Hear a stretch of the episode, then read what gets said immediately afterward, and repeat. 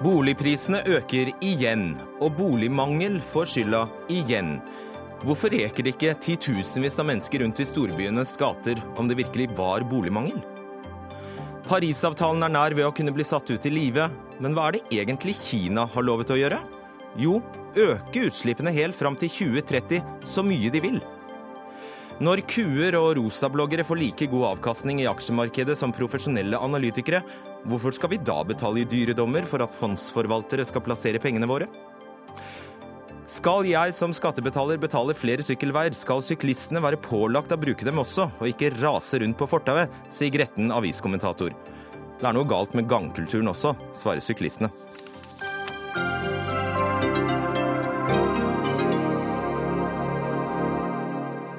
Slik lyder overskriftene i kveldens Dagsnytt 18. Jeg heter Fredrik Solvang. Ja, I går kom tallene som viser at eh, boligprisene eh, fortsetter opp, og steg med 16,3% i Oslo. Og som vanlig tok det ikke lang tid før ordet boligmangel ble nevnt i sammenhengen, etterfulgt av et krav om å bygge flere boliger. Men hvordan kan det være boligmangel når utleiemarkedet nærmest står stille, og det er ledige boliger rett utenfor sentrum? Går det 20 000 mennesker rundt i Oslos gater uten tak over hodet? Steinar Juel, økonom i eh, Civita, gjør det det?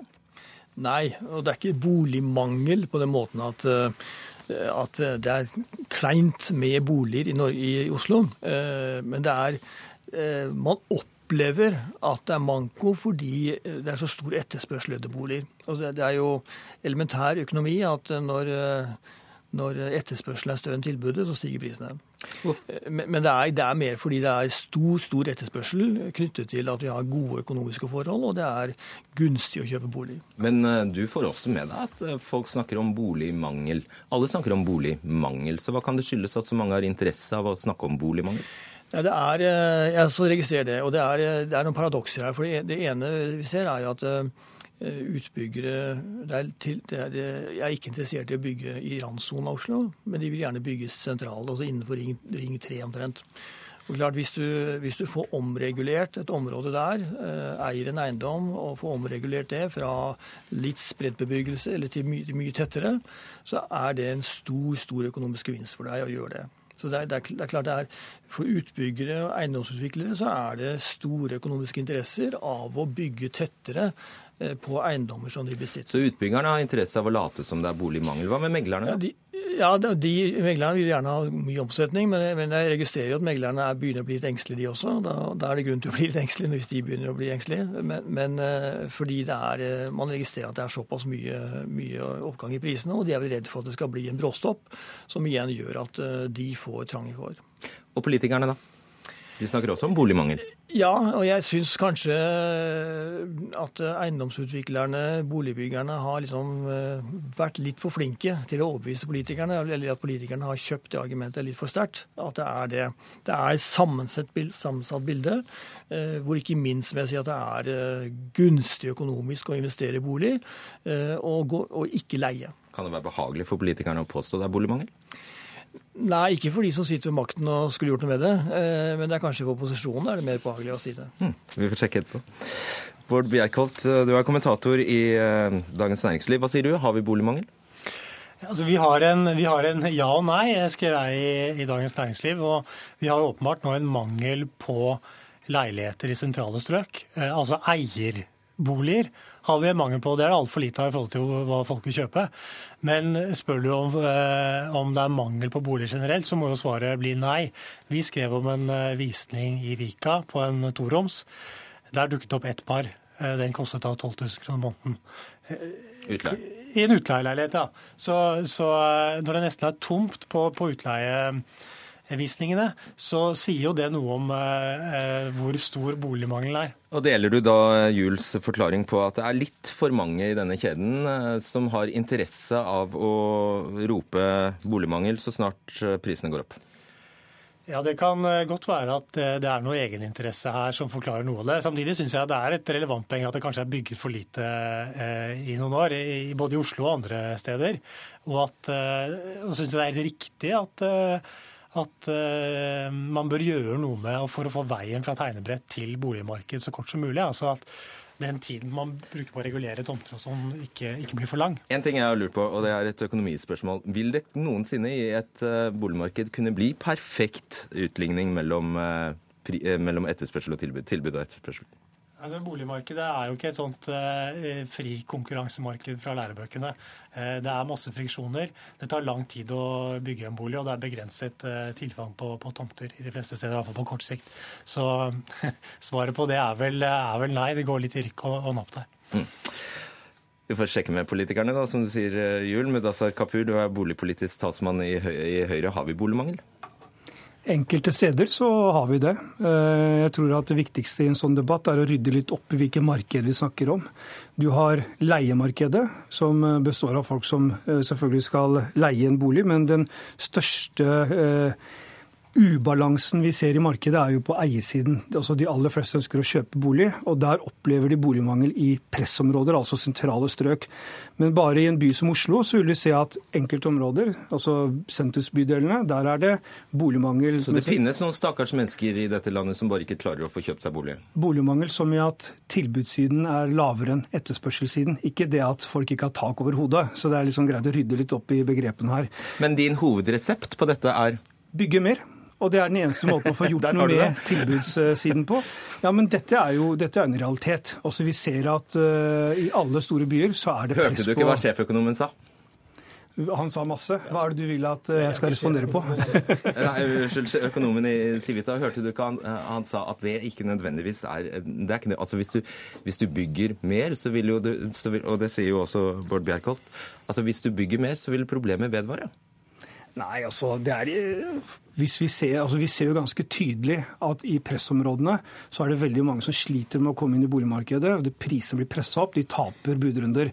Ved å bygge mer så får du jo selvfølgelig økt tilbudssiden. Det vil være med på å skape uh, en situasjon hvor vi kan få dempa prispresset. Det er jo en naturlig uh, reaksjon på det.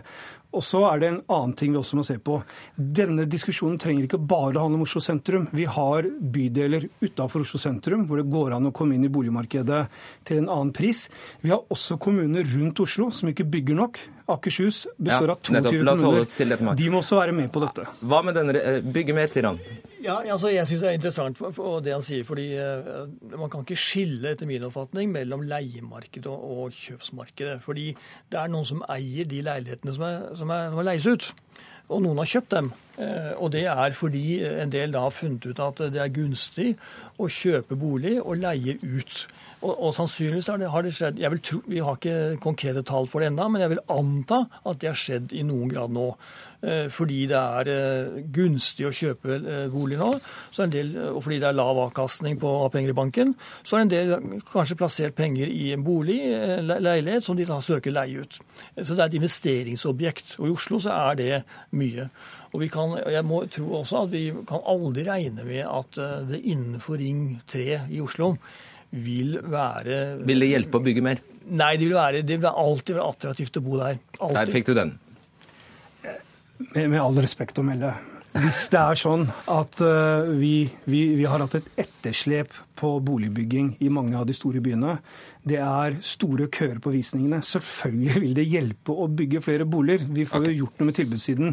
Også er jeg uenig i dette med at, uh, at dette, dette, denne problemstillingen først og fremst handler om boligspekulantene og deres utleieobjekter. De aller aller fleste som er i boligmarkedet i dag, de skal kjøpe seg sin bolig for å etablere uh, og starte sitt liv. Hva mener du med, vær konkret, hva mener du med de aller aller fleste? Åtte av ti nordmenn uh, eier sin egen bolig. Nei, bolig. Ta disse bydelene vi snakker om i Oslo. Har du tallene? Vet du for eksempel, hvor mange sekundærboliger det er på Frogner? Der er det vel ca. én av fem. Uh, Nei, det er i hvert fall én av tre. En av tre? Mm, ja, Det betyr fortsatt at det er et flertall som eh, ikke er 30% er altså utleie? Ja, mm. og det er fortsatt sånn at de aller fleste bor i sin egen bolig. Marianne Aasen, en gang hadde vi et Arbeiderparti som ville ha prisregulering på boliger. Det hadde vi fram til 80-tallet. Det har dere forlatt. Vi hadde et Arbeiderparti som subsidierte tomter og, som, eh, og bygging av hus gjennom Husbanken. Det forlot dere i 1990. Og nå ser du, nå ser du ståa. Ja, og jeg tror, skal i hvert fall ikke gå inn på den type regulering som vi har i Sverige f.eks., hvor man har masse penger svart under bordet. Eh, fordi at det ikke er eh, takt, det er ikke takt med, med markedet. da, Fordi at folk eh, legger, vil ha boliger, og så går de utenom de det regulerte markedet, og så blir det like dyrt likevel. Så det tror jeg ikke noe på. Det jeg tror på, er en mer altså at vi, Jeg kan godt ta selvkritikk på det, selv om jeg da var en tenåring den gangen på tidlig 90-tall, eller 80-tall, når man deregulerte boligmarkedet i Norge og lot alt slipper fri. Skjedde under Gro, dette her? Ja, det som, eh, det som, jeg tror er helt viktig å få på plass, eh, når det gjelder, er å ha en aktiv boligpolitikk. Der har vi etterlyst mange grep fra regjeringen, og jeg mener eh, man har mye man kan gjøre. Man, Nei, men Da vil jeg konfrontere ja, deg med at dere har ja. fjernet de viktigste og største grepene som ja, men kunne det var ikke gode grep. Jeg syns ikke det var gode grep, og nå skal jeg gi deg noe som er mye bedre.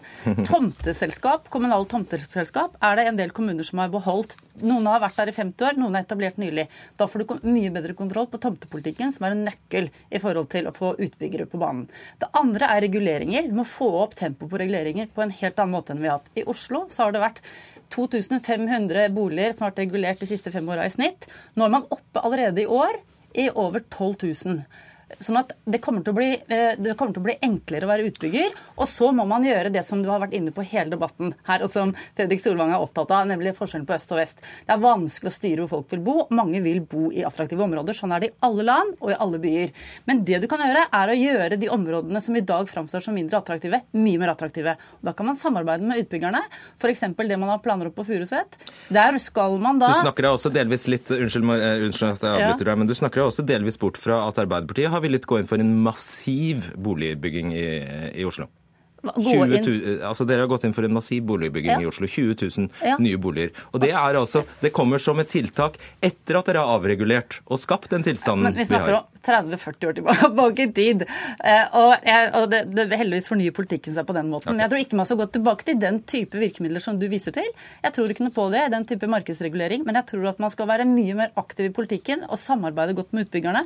Ikke minst fjerne litt av risikoen som mange, de sitter med eh, når det gjelder en aktiv tomtepolitikk. Og Der har vi mange ting som bør gjøres. Og denne, det, Byrådet her i Oslo gjør mye, men det, dette handler jo om resten av landet òg, og ikke bare Oslo. Du skal få svare på det, men Bjerkholt, hva, hva mener du, eh, hva kan gjøres?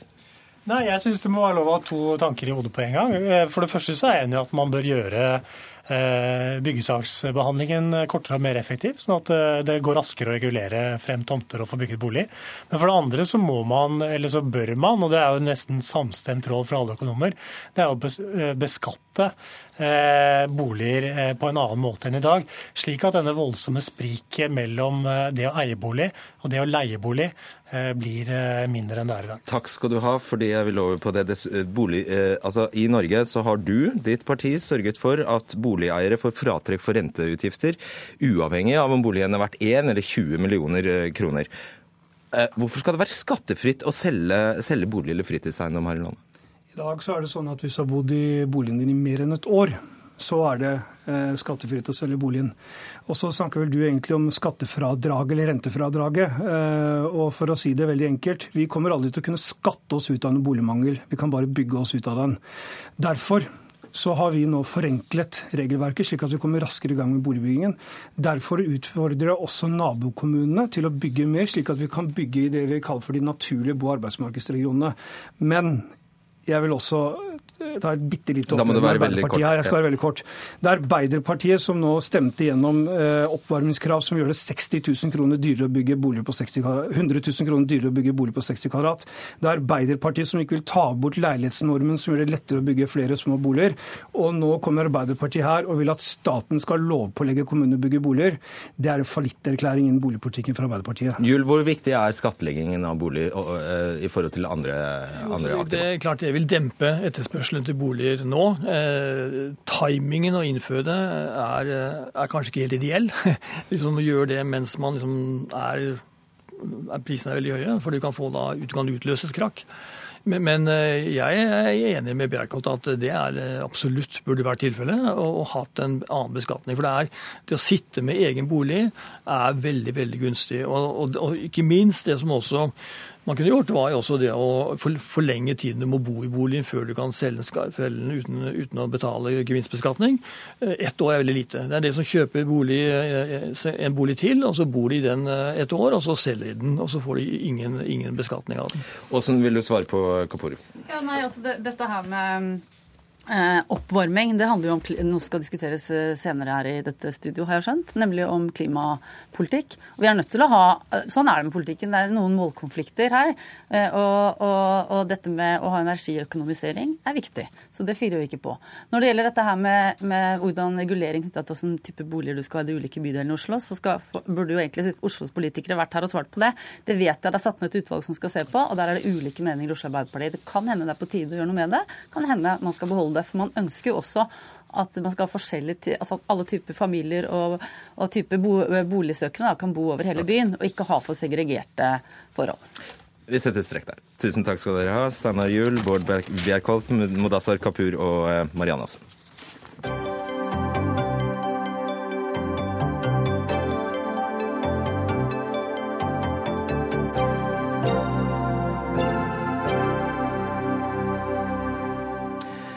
Inntil forrige uke var, eh, var, det Norge og et tjuetalls små øystater som Palau, Tuvalu og Samoa som hadde ratifisert Parisavtalen om klimagassreduksjoner.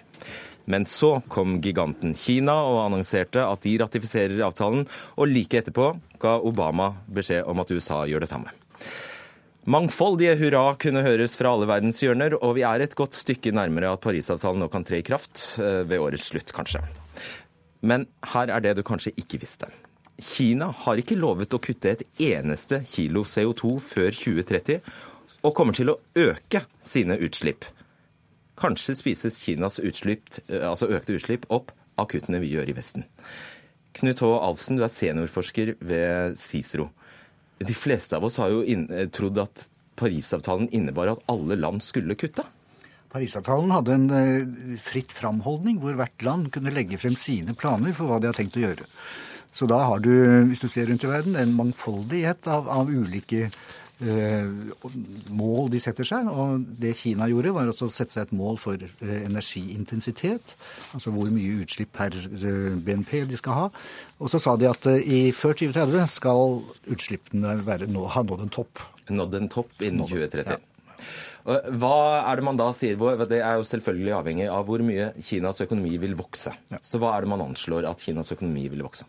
Altså, nå kan du høre på kineserne. De sier 6,7% i år og 6,5% neste år og litt mindre framover. Sånn størrelsesorden 4-6 eh, per år. Eh, så nå har, eh, Historisk sett så har utslippene vokst langsommere, mye langsommere enn den økonomiske veksten i Kina. Men allikevel så ser vi for oss en eh, økning i kinesiske utslipp. Hvis du tar dette enkle forholdet mellom økonomisk aktivitet og utslipp eh, for, for god fisk på mellom 10 og 20% i den perioden fram til 2030. Hvis ikke kinesiske eh, tiltak og initiativ nå faktisk får en virkning på utslippene lenge før. Så inntil 20% er liksom det dere tror er mest sannsynlig eh, vil skje. Men hvis veksten kan, enda, kan bli enda høyere enn det. Ja, du vet, Nå er det vanskelig å tegne på radio, kanskje, men altså kinesiske utslipp har gått rett til himmels. Og nå har de faktisk begynt å flate ut. Eh, og hvor, hvor flat den derre åstoppen er, er litt vanskelig å si. Så det kan være noen prosent opp og noen prosent ned. Men eh, Kina er i ferd med å få bukt med sine, sin kolossale utslippsvekst som de har hatt siden 1980. Man må jo begynne å lure. Er det andre store land som eh, går med samme planer om å bare guffe på til, fram til 2030? India? Ja. Og det er også helt greit. Altså Greit er det jo ikke. Sett fra et klimafaglig ståsted så er dette eh, svært uheldig. Men eh, det er nå sånn verden er. Så du mener Kina ikke burde vært tillatt dette? Dette blir en avveining ikke sant, mellom på den ene side økonomisk utvikling, utvikling av samfunn, og på den annen side det å ha en kontroll med klimaendringene framover. Et det, etisk spørsmål, egentlig. Og det er et etisk valg, hvor, hvor, og et, et, veldig vanskelig problem eh, til syvende og sist. Eh, det som er helt klart, er at vi må forberede oss på eh, altså Som det nå ser ut, med økte utslipp i India og en del andre u-land, så må vi forberede oss på ganske voldsomme klimautfordringer på mange måter. Så da er det tilpasning som gjelder. Er, hvordan vil du formulere det etiske spørsmålet? Hvor mye bryr du deg om andre folk, er et helt sånn kjernepunkt i klimaspørsmålet. Eh, hvis eh, kineserne altså, Til syvende og sist så er det egentlig mye kinesernes egen interesse å prøve å få bukt med sine klimagassutslipp. Fordi Kina er blant de land som er sårbare for klimaendringer. De har vannproblemer, de har både av tørke og, og flom. De har en lav, eller mye bebyggelser i, tett oppunder havet, for å si det sånn. Men, men det blir også et spørsmål om man skal unne Kina, India Eh, en velstand som kryper opp mot eh, vår, eller om man skal eh, si at klimaproblemet er så akutt at sorry, dere kan ikke få den veksten. Og eh, Kinesiske utslipp per innbygger er omtrent halvparten av USA. Eh, det er litt over hva vi har i Europa. Eh, og Kineserne sier faktisk selv at de ser at de må ned med sine egne utslipp. Sånn at de tar et ansvar på klodens vegne. Men hva sier du? Jeg skulle ønske at de kunne gjøre enda mer, selvfølgelig. Hele tiden enda mer. Og, uh, mener du Parisavtalen er for sjenerøs? Ja. ja. Den, er, den er, både for sjenerøs, og så er den for, for løs. Den kommer ikke til, antagelig, med stor sannsynlighet, ikke til å klare å bli oppfylt. Dette togradersmål skal det veldig mye til, uh, realistisk sett, å få oppfylt. Fordi du har sagt at hvis man legger sammen utslippene til Kina, USA og EU så er man ca. der ved togradersmålet. Ja. I 2030. Ja. Nedstemmende. Trist. Um, er det også da sånn at de vestlige landene, altså mens de vestlige landene har forpliktet seg til nominelle og helt reelle kutt, uavhengig av hvordan det går med økonomien vår. Den kan gå ad undas, men det er det vi har forpliktet oss til. Er det da sånn at det har vi gjort på den ene siden, mens Kina egentlig bare har forpliktet seg til å nå en topp i 2030? Ja, det er... Uh... Er det rettferdig, da?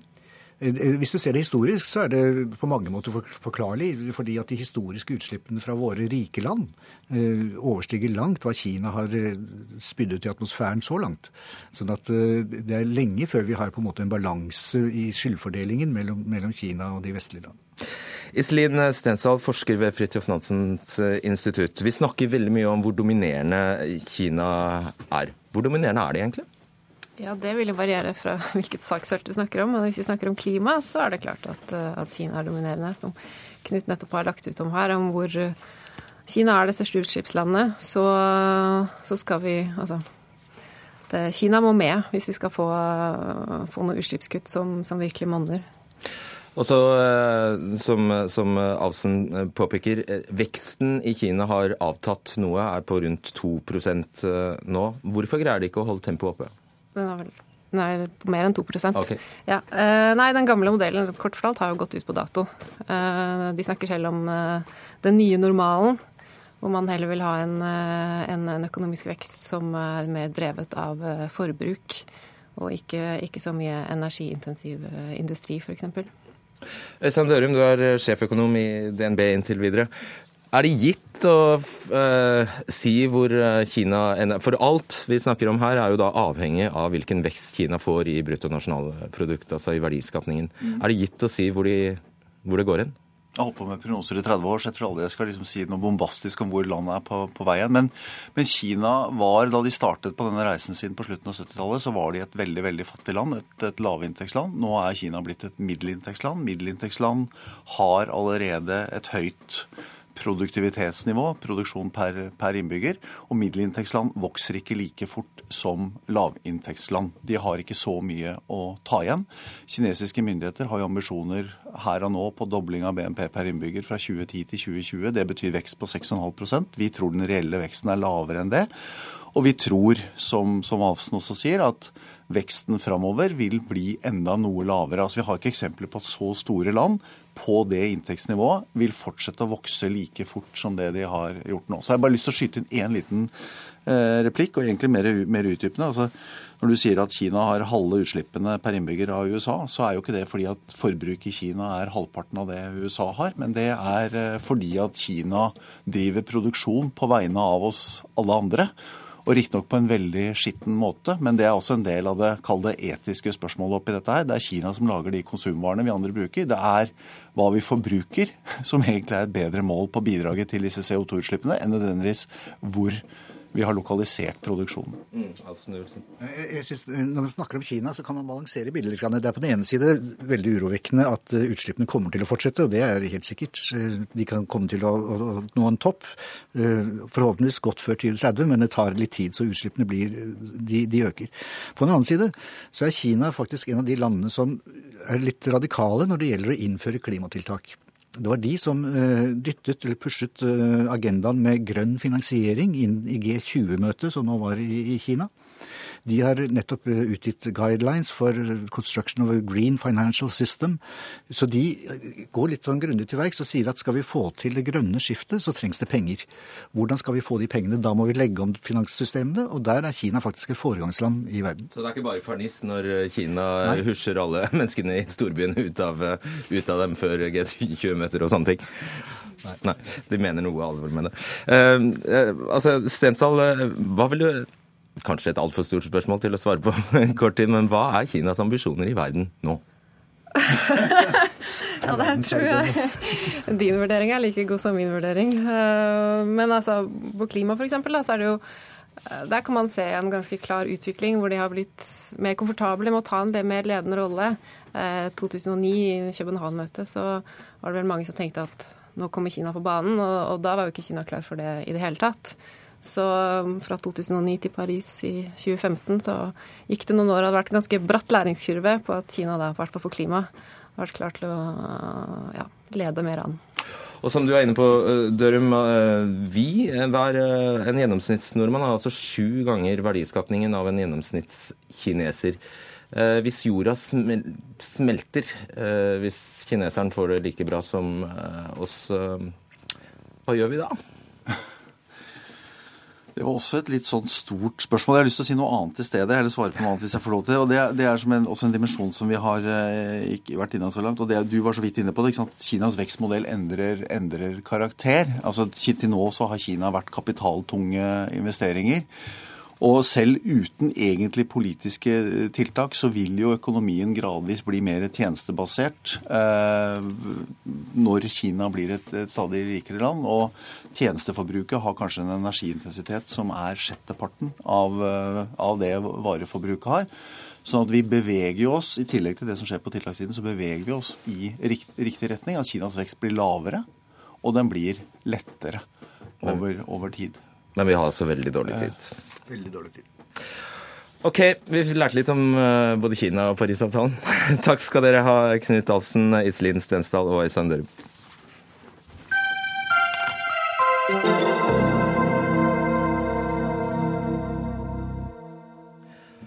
Kan du like gjerne la en ku eller en rosablogger forvalte pengene dine som å sette dem i et forvaltningsfond? Ja, skal man tro siste episode av NRK-serien Folkeopplysningen, som lot rosabloggere, en spåmann, en ku og to profesjonelle børsanalytikere konkurrere om hvem som kunne få mest avkastning på 10 000 kroner. Det går opp og ned. Men renner opp 10% opp. Og sitter da igjen med fortjeneste på 1150 kroner. Ja, her får bloggerne Sofie Elise Isaksen og Erlend Elias Skoglund beskjed om at de har vunnet konkurransen. Børsanalytikerne gjorde det hårfint bedre enn kua. Og spåmannen kom på sisteplass. Bernt Sakariassen, du er administrerende direktør i Verdipapirfondenes forening. Hva er vitsen med å plassere penger hos profesjonelle og til dels eh, dyre fondsforvaltere når rosabloggere og kuer gjør det nesten like bra? Nå eh, var vel det her eh, litt sånn infotainment, eh, det programmet der. Det var en tremåneders periode som man så på.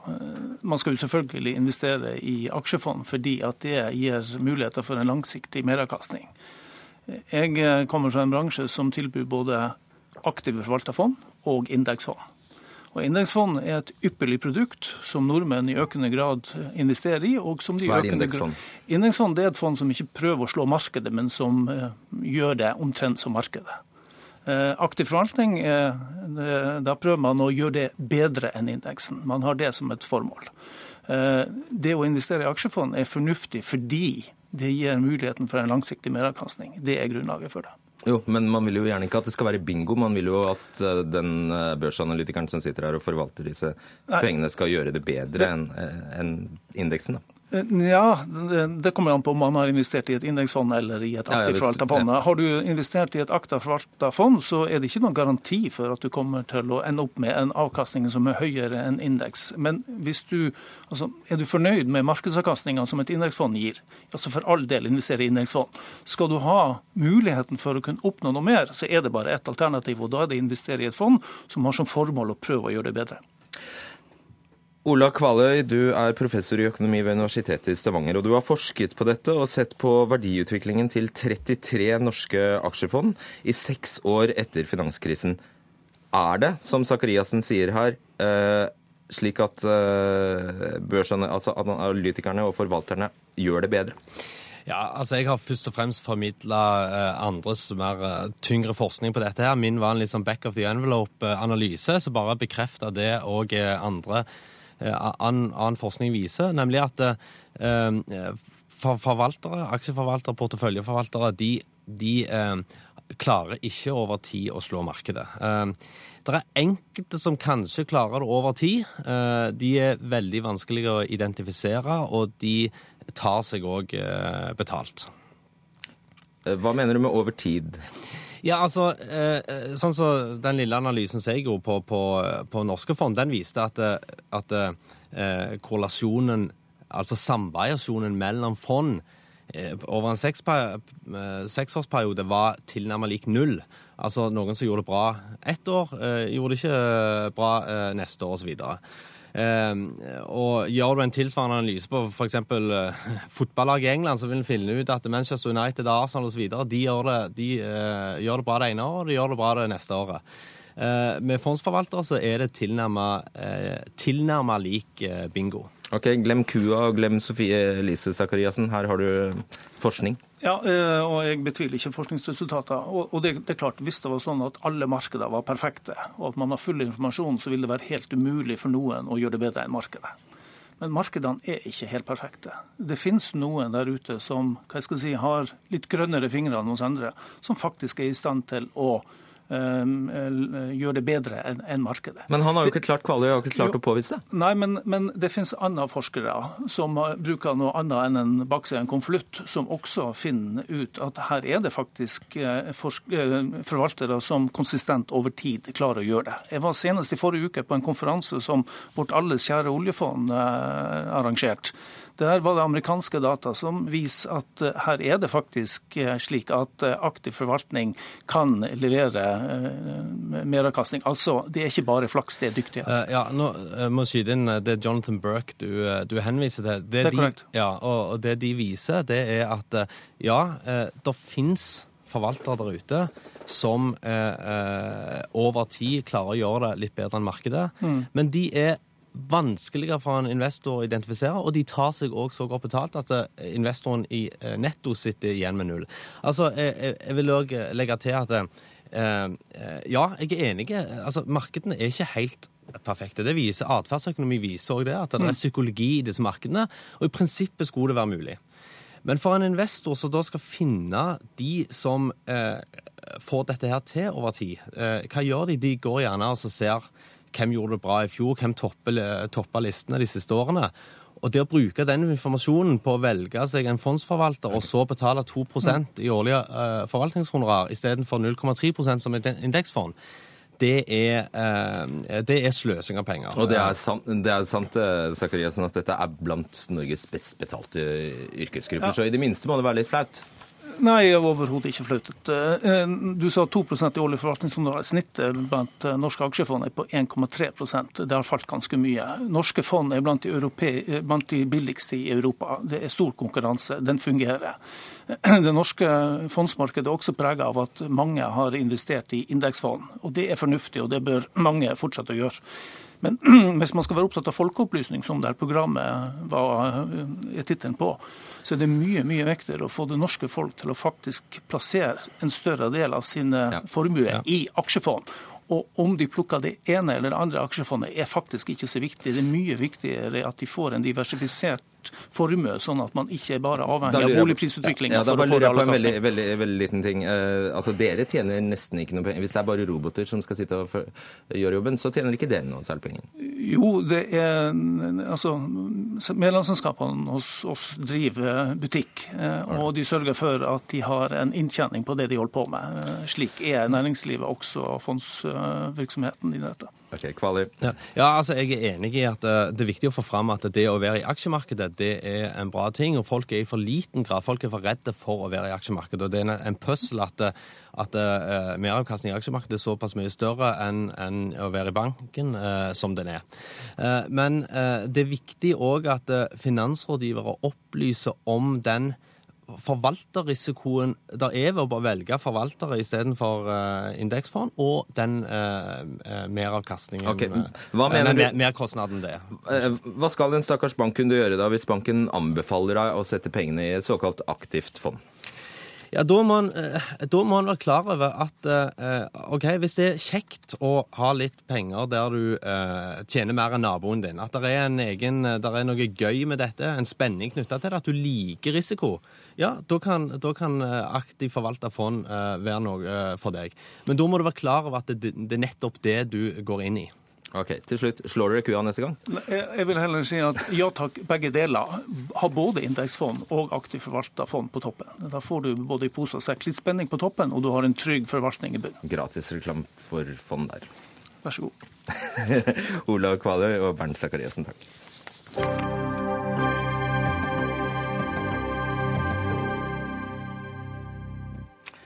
Høyre og helseminister Bent Høie mener det er greit at legemiddelindustrien hemmeligholder prisen på dyre og nye medisiner. Og bortsett fra noen sånne åpenhetsprinsipper og demokrati og sånt, hva får det å si? Sveinung Stensland i helse- og omsorgskomiteen for Høyre. Ja, Forklar hvorfor vi hemmeligholde prisene? Det er godt beskrevet i en, eh, i en stortingsproposisjon som, som, alle har lest, sikkert. Som nesten ingen har lest, virker det som. Fordi Venstre stemte for den lovendringen vi gjorde i vår, der det sto godt forklart hvorfor vi har den linja vi har.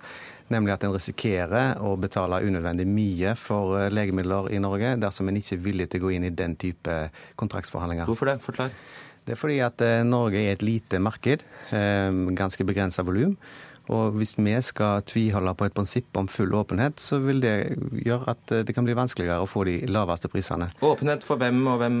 Ja, åpenhet for hvem? Altså det som jeg opplever at Venstre ønsker, er jo at eh, enhver pris som gis, skal være åpen for Nei, du kan ta utgangspunkt i hvordan det har vært i 20 år.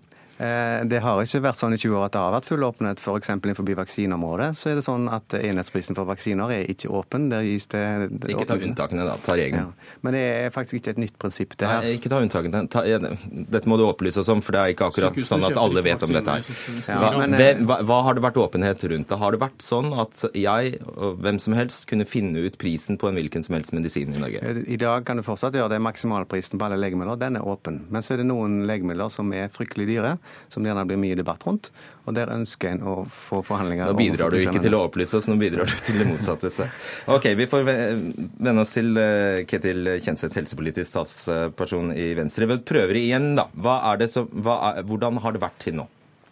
Til nå så har det vært åpenhet om sykehusenes eh, innkjøp av legemidler og enhetspriser på det i 20 år. Og det er det legemiddelinnkjøpssamarbeidet som har stått for. I fjor så ble de eh, overtatt av helseforetakenes innkjøpssamarbeid. Eh, og nå har de da pålagt eh, hemmelighold av eh, anbud. Det er det vi diskuterer, og ikke om vi skal ha mulighet for hemmelighold på noen forhandlinger. Det er heller ikke Venstre imot. Og Hva er problemet med det hemmeligholdet? Det hemmeligholdet fører nå til at vi, vi kjøper, altså sykehusene kjøper for ca. 8 milliarder per år. Og kanskje 5% av det er det grunn til å føre forhandlinger om, og eventuelt hemmeligholde.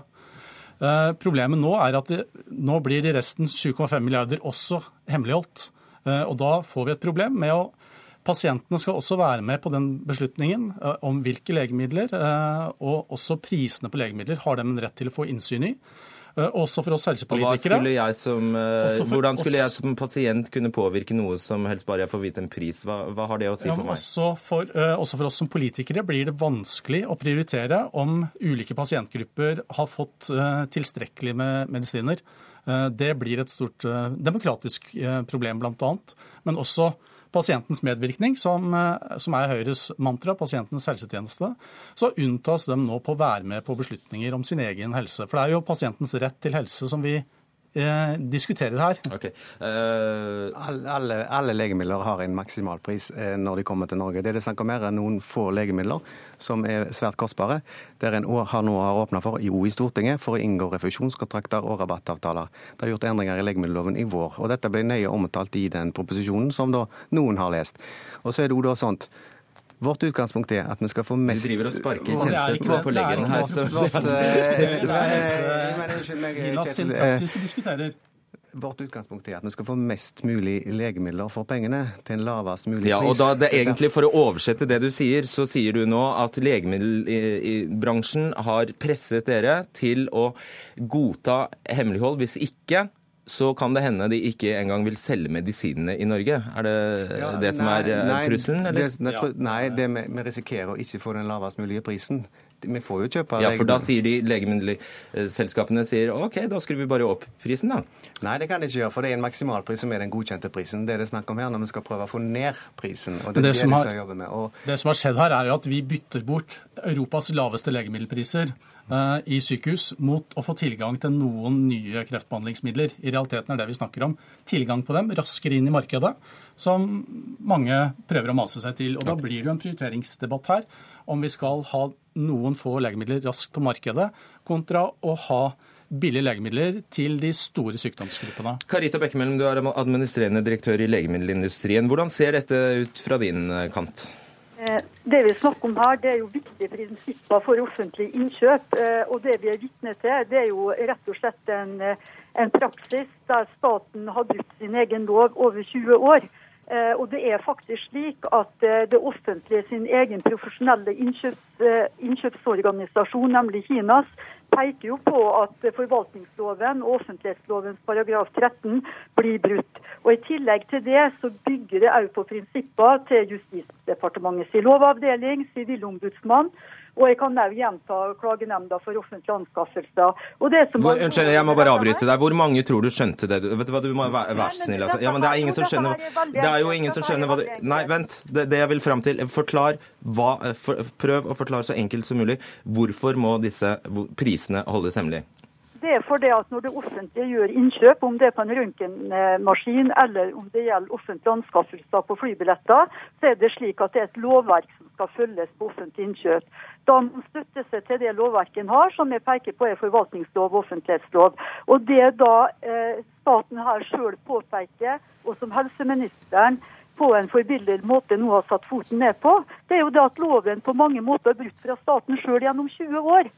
Og dette handler om konkurranseelementer mellom mange eh, store eh, aktører som da vil gi et anbud til det offentlige. Og vi snakker om Og det er der det jeg vil fram til. Hva er det dere frykter hvis disse prisene er åpne? Det vi frykter, det er jo rett og slett at eh, ikke det offentlige vil kunne dra de fordelene vi har sett frem til nå. Vi vil komme til å få et helt annet innkjøpsregime. Som, Fordi? at, eh, jo, som handler faktisk om at du vil få helt andre prosesser som vil komme til å ta lengre tid. Som òg vil komme til å gjøre at våre innovasjoner vil ta lengre tid før de når ut til pasientene våre Fordi? som trenger våre medisiner. Fordi at staten har ikke et godt nok innkjøpssystem hvis ikke prinsipper som resten av Europa eh, praktiserer skal gjelde for norske innkjøpere. Eh, og Det er jo det som er prinsippet her, at vi som, eh, som nasjon da, skal begynne en særegen tilnærming i forhold til innkjøp av legemiddel, og dermed òg bryte med det resten av Europa gjør, og som, eh, som er premisser gitt av nasjonalt lovverk. Ok, Kjenseth, det man, det man jo kan ha forståelse for, er jo at et legemiddelselskap ikke har noe stort ønske om at eh, hvis de ønsker å differensiere prisene i forskjellige land, f.eks. For på en, eh, en medisin, så er det lite hensiktsmessig at prisen i Norge blir, blir kjent. Ja, men det, det er jo stort sett EU som godkjenner ethvert legemiddel, ikke den enkelte eh, nasjon. Og hvis vi skulle hatt universelle priser for Europa, så hadde jo situasjonen vært en helt annen. Det er ikke tilfellet. Og så Når det gjelder rettsgrunnlaget her, så sier jo både Helsedirektoratet, at det her har vi ikke grunnlag for å gjøre. Og vi har hatt en praksis i 20 år som ingen har gripet inn imot. Og det har gitt oss Europas laveste legemidler på, de, på de, det store volumet av legemidler. Nylig har Sverige ført hemmelige forhandlinger på hepatitt C-medisin, som er en stor utgift på norske, norske sykehus. Eh, og Norge med, med, åpne priser har mye lavere priser. Det er et eksempel på at det her fører ikke nødvendigvis til at vi får lavere priser. Og det er jo en, en av målsettingene. Ok, veldig kjapt. Da må vi endre loven, og du trekker fram dette her med pasientene sine rettigheter. Nå skal Stortinget da gå inn i en behandling på en prioriteringsmelding. Og det er ikke nødvendigvis akkurat pasientene sine rettigheter som er gjennomgangstonen der, nemlig at du skal få en ulik behandling. Og du spiller òg på pasientene sin dårlige samvittighet. Ja, men Karita Bekkemellom, altså en, en, norsk flypassasjer har ikke, en norsk flypassasjer har ikke rett i loven til å få en flyreise. Det har en norsk pasient. Okay, vi, vi, på behandling. Behandlinga av prioriteringsmeldinga er rett og slett en forskjellsbehandling av pasientene våre, avhengig av hvilken terapiområde du blir syk på. Og Det du nå fremfører, er et helt annet prinsipp enn det som Stortinget blir invitert til å fatte beslutninger på. Så det skal bli spennende. Det er ikke alle som er helt enig med eh, deg, det, Bekkemel. Altså, Mats Andenes eh, Stensland har, eh, har, sagt at dette er i strid med lovens system, det er i strid med prinsippene i offentlighetsloven og forvaltningsloven. Og, og det, Andenes er vanligvis en kar man hører på. Ja, han hører vi på, men vi hører på departementet, og Kjetil Kjenseth hadde ingen problemer med det som sto i proposisjonen vi vedtok i juni, nemlig at både paragraf 13 i forvaltningsloven og paragraf 30 i legemiddelloven åpner for nettopp denne praksisen, står det der. Så her er det ord mot ord. Men her, eh, unnskyld, meg, unnskyld meg, Kjetil. Hvis vi kan si det sånn at vi tar utgangspunkt i pasienten, så er jeg mest opptatt av pasienten her. Og hva er det viktigste for eh, deg og meg når vi sitter i helsekomiteen? Det er å sørge for at vi får mest mulig ut av helsekronene, at vi får mest mulig medisiner raskest mulig på plass for flest mulig pasienter. Derfor mener jeg denne praksisen er viktig. Fordi kan hvis... du være helt sikker på at det er det ja, som skjer? Fordi, at du får ja, mest mulig fordi, ut for, for pengene? Først av alt så er det Hvordan sånn, du da?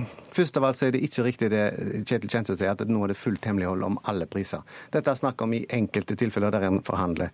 Og hvis det skal være sånn at vi blåser ut våre lave priser, så vil det være veldig lite interessant for store firmaer som kanskje leverer varer til Tyskland, Frankrike, England, å gi eh, så lave priser hos oss, fordi det vil kunne påvirke hele deres inntjening i det markedene. Det, det, det, det, det, det, står veldig nøye beskrevet i den saken som vi vedtok i, i, i juni akkurat de problemstillingene her. Okay, det er en risiko for at vi går glipp av gode prisavtaler som ja. vil komme norske pasienter til nytte. Derfor mener Høyre dette er riktig. Altså, vi lager nå eh, en praksis eh, fra helseforetakenes innkjøpssamarbeid om å bruke hemmelighold fordi vi skal få nye legemidler raskt på markedet som utgjør kanskje 5% av det totale innkjøpsvolumet. Mens vi står i fare for å få eh, en milliard dyrere medisiner på de resterende 95% Det kommer ikke de store pasientgruppene til gode. Okay. jeg, jeg, kniper dere der. Det var mange tall, det var mange paragrafer, det var mange dulte beskyldninger. Takk skal dere ha, Ketil Kjenseth, Sveinung Stensland og Karita Bekkemelle.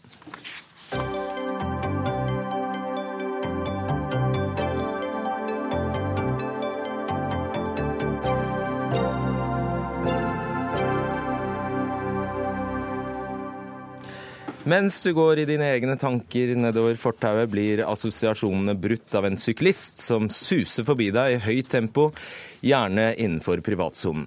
Kjent med situasjonen? I Oslo og resten av landets byer er det en ønsket utvikling at stadig flere bruker sykkel til jobb og skole, og lar bilen stå hjemme. Enten det er tråsykkel eller elmotorisert.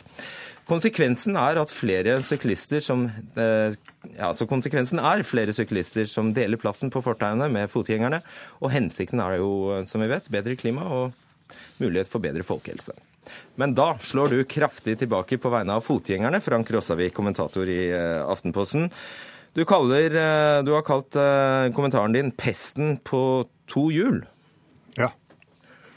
Eh, jo, men altså, dette er dypt og ektefølt ment. Jeg har eh, vært eh, fotgjenger, genuint fotgjenger siden 1992. Og stort sett bodd i, bodd i store byer, stort sett bodd i Oslo.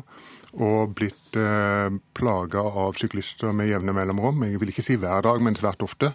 og for meg er det ingen tvil om at syklister er en mye større plage enn bilen.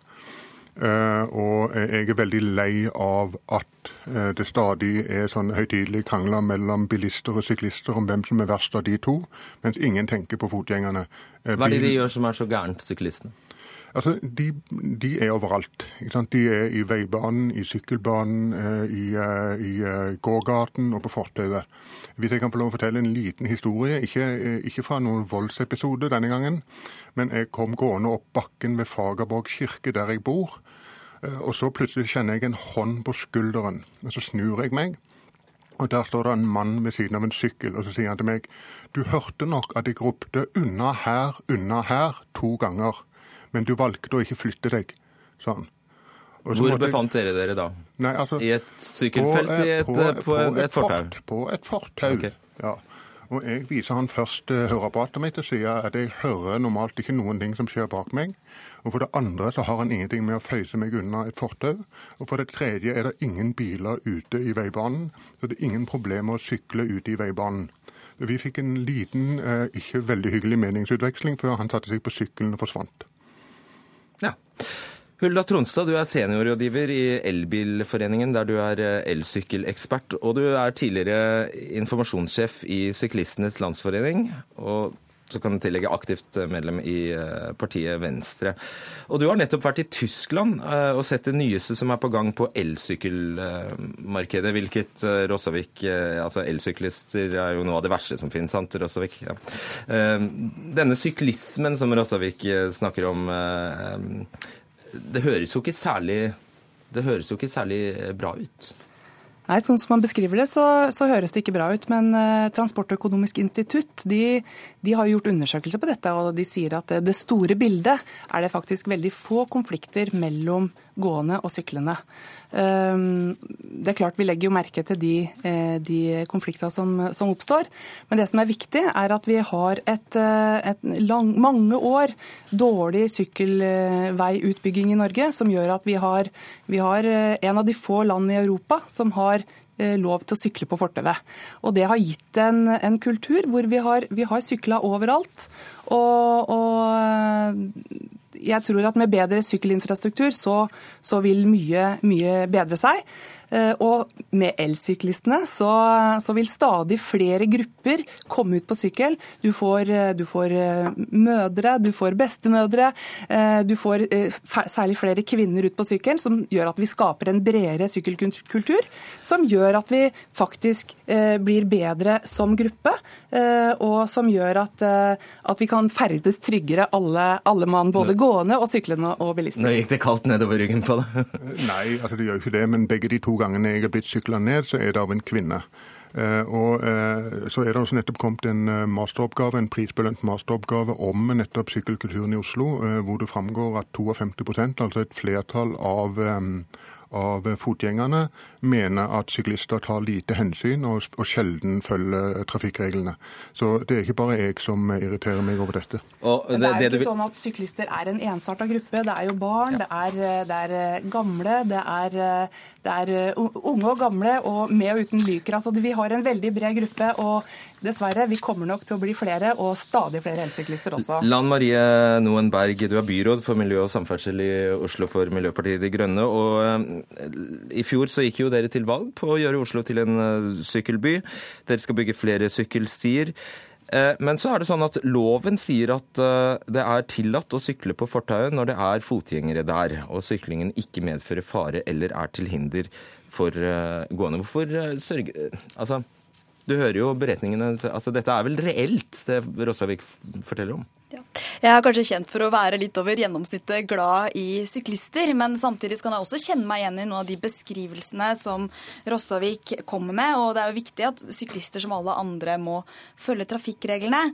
Men jeg tror at eh, utfordringen her er nettopp at syklistene har på mange måter blitt uh, behandla som en paria i trafikken og blitt kasta rundt og ikke fått en ordentlig plass. Og de har måttet velge mellom å være i, eh, sykle i veibanen sammen med bilene eller oppå fortauet sammen med fotgjengerne.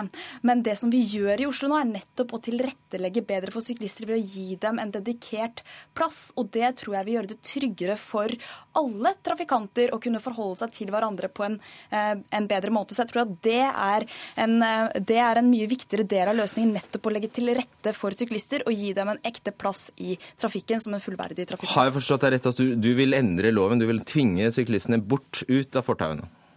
Altså, jeg har ikke skrevet noe om uh, endringer i loven, men, uh, men, det er klart at en, en, god del av mine plager ville forsvinne, og, og, og, og, flertallet av fotgjengernes plager ville forsvinne dersom vi slapp syklister på fortauet.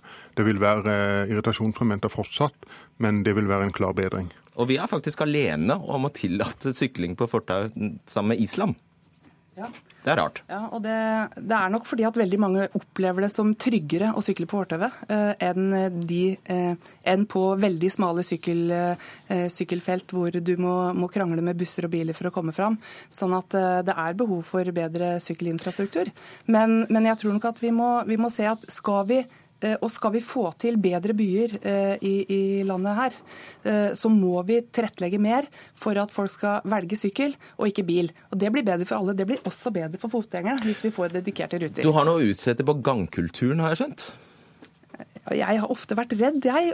Og det er jo ofte sånn at du er i trafikken og beveger deg med Alle beveger seg med forskjellig fart. Og jeg blir redd for, eh, for gående som skjener ut eh, når jeg sykler i, i kjørefeltet også. Eh, og, og, og, det er jo ikke noe behagelig å, å, bli redd i trafikken. Og det tror jeg mange blir når, når du opplever litt eh, nesten-sammenstøt. Men eh, som sagt så, så, er det faktisk eh, ikke så mange sammenstøt som det, det blir henvist til her, da. Eller gående som går med nesa ned i telefonen og spiller Pokémon Go f.eks. Nå hørte ikke jeg bare det. Gående som går med nesa ned i telefonen og spiller Pokémon Go f.eks. Nei, ja, for, for, all del. Og en, gang, og en gang jeg ble påkjørt, så var det fordi jeg eh, tok et skritt til siden for å bevege meg mot et busskur for å se på eh, en, en, en, oversikt over avgangstidene for bussen. Det skulle jeg åpenbart ikke ha gjort, fordi det var en syklist rett bak meg som hadde beregna 10 cm akkurat der. Og, de, og, og, og, så ble det et krasj. Men vi har jo alle noe å utsette på alle andre ja, trafikantgrupper sånn enn oss sjøl. Så hvis du sykler mer og jeg går eh, mer, så har vi kanskje begge mer forståelse for hverandre. Kunne det være en idé, de stedene der man har både sykkelfelt og eh, fortau, å tvinge syklistene ut av fortauet og inn i gang, eh, sykkelfeltet? Dette her er jo noe som staten bestemmer. Men jeg vil si um, at jeg tror ikke løsningen på dette problemet er å gjøre det vanskeligere å sykle i Oslo. Jeg tror løsningen er å legge bedre til rette for, for syklister, og ikke tvinge syklister til å, å, å måtte komme seg opp på fortauet fordi det føles utrygt mm. Men da har jeg bare lyst til å spørre om det. Eh, fordi de, Dere har jo driver og, og, merker opp røde sykkelfelt rundt omkring i byen. og Rett ved der jeg bor, så har dere altså lagd 20 meter rødt sykkelfelt eh, hver vei i et kryss. Og så stanser sykkelfeltet plutselig. Og hva tror du syklistene gjør da? Spretter opp på fortauet. Mm. Og det er det, det er det, jeg mener, fordi man i for mange år har ikke har prioritert sykkelen som en fullverdig trafikant. Nå er vi i ferd med å gjøre noe med dette her i Oslo. Vi er i full gang med å bygge ut mer sykkelinfrastruktur i byen, nettopp for at syklister skal få en dedikert plass. Og det vi ser er at når vi gjør det, så sykler flere, så vi ser en markant økning. Og det er akkurat det som du sier, at når vi eh, eh Nå er det ikke bare, at, nå er det ikke bare sykling noe for de spesielt interesserte i Oslo, det er noe for eh, mange flere. Vi ser syklister i kondomdress men vi ser også syklister i stiletthæler. Vi ser at det er barn som tør å sykle til skolen. Og det er sånn vi ønsker okay. at sykkelbyen vår skal være. Fordi det er også viktig å ha med seg at transportetaten er helt samstemte her. Hvis ikke vi legger til rette for sykkel i Oslo og Akershus, så klarer vi ikke løse de transportutfordringene som vi står overfor når regionen vokser så raskt. Eh, altså, I København er det jo langt flere sykler. Eh, og eh, Hvis det er et ideal, så er ikke jeg så sikker på om det er noe ideal. fordi at det, det, det, det vrimler av sykler overalt. Og det er riktignok en noe bedre sykkelkultur enn i Norge, men det er nesten umulig å komme seg fram som fotgjenger i sentrum. Du har til og med sagt, du, du skrev til og med at du ikke reiser til København og Amsterdam lenger pga. Altså, jeg, jeg var innom København eh, nylig eh, og bestemte at det kom til å være siste gang. Bare to ord om, og veldig kort om eh, hvorfor du kaller oppfinneren av elsykkelen en idiot. Fordi at eh, bakkene at Det var litt humoristisk. At det var blant de humoristiske innslagene i en ellers alvorlig ment tekst. Eh, Jeg har jo ment at bakkene i Oslo har vært et, et, en, en liten trøst, fordi at det, i, i det minste var det et hinder for at syklismen kunne utbrede seg totalt. Og Sånn sett så er jeg lite glad for elsykkelen, fordi at det betyr at også den hindringen er borte. Men de som sykler elsykler, de smiler hele veien til jobben. Det kan du ikke være imot. Vi gjør det, skal jeg si dere. Takk skal dere ha. Frank Rossavik, Hulda Tronstad og Lan Marie, nå- eh, Lan Marie Berge. Um, denne sendingen er over, rett og slett. Det var Fredrik Lauritzen som hadde ansvaret. Finn Lie satt i teknikken, og jeg heter Fredrik Solvang.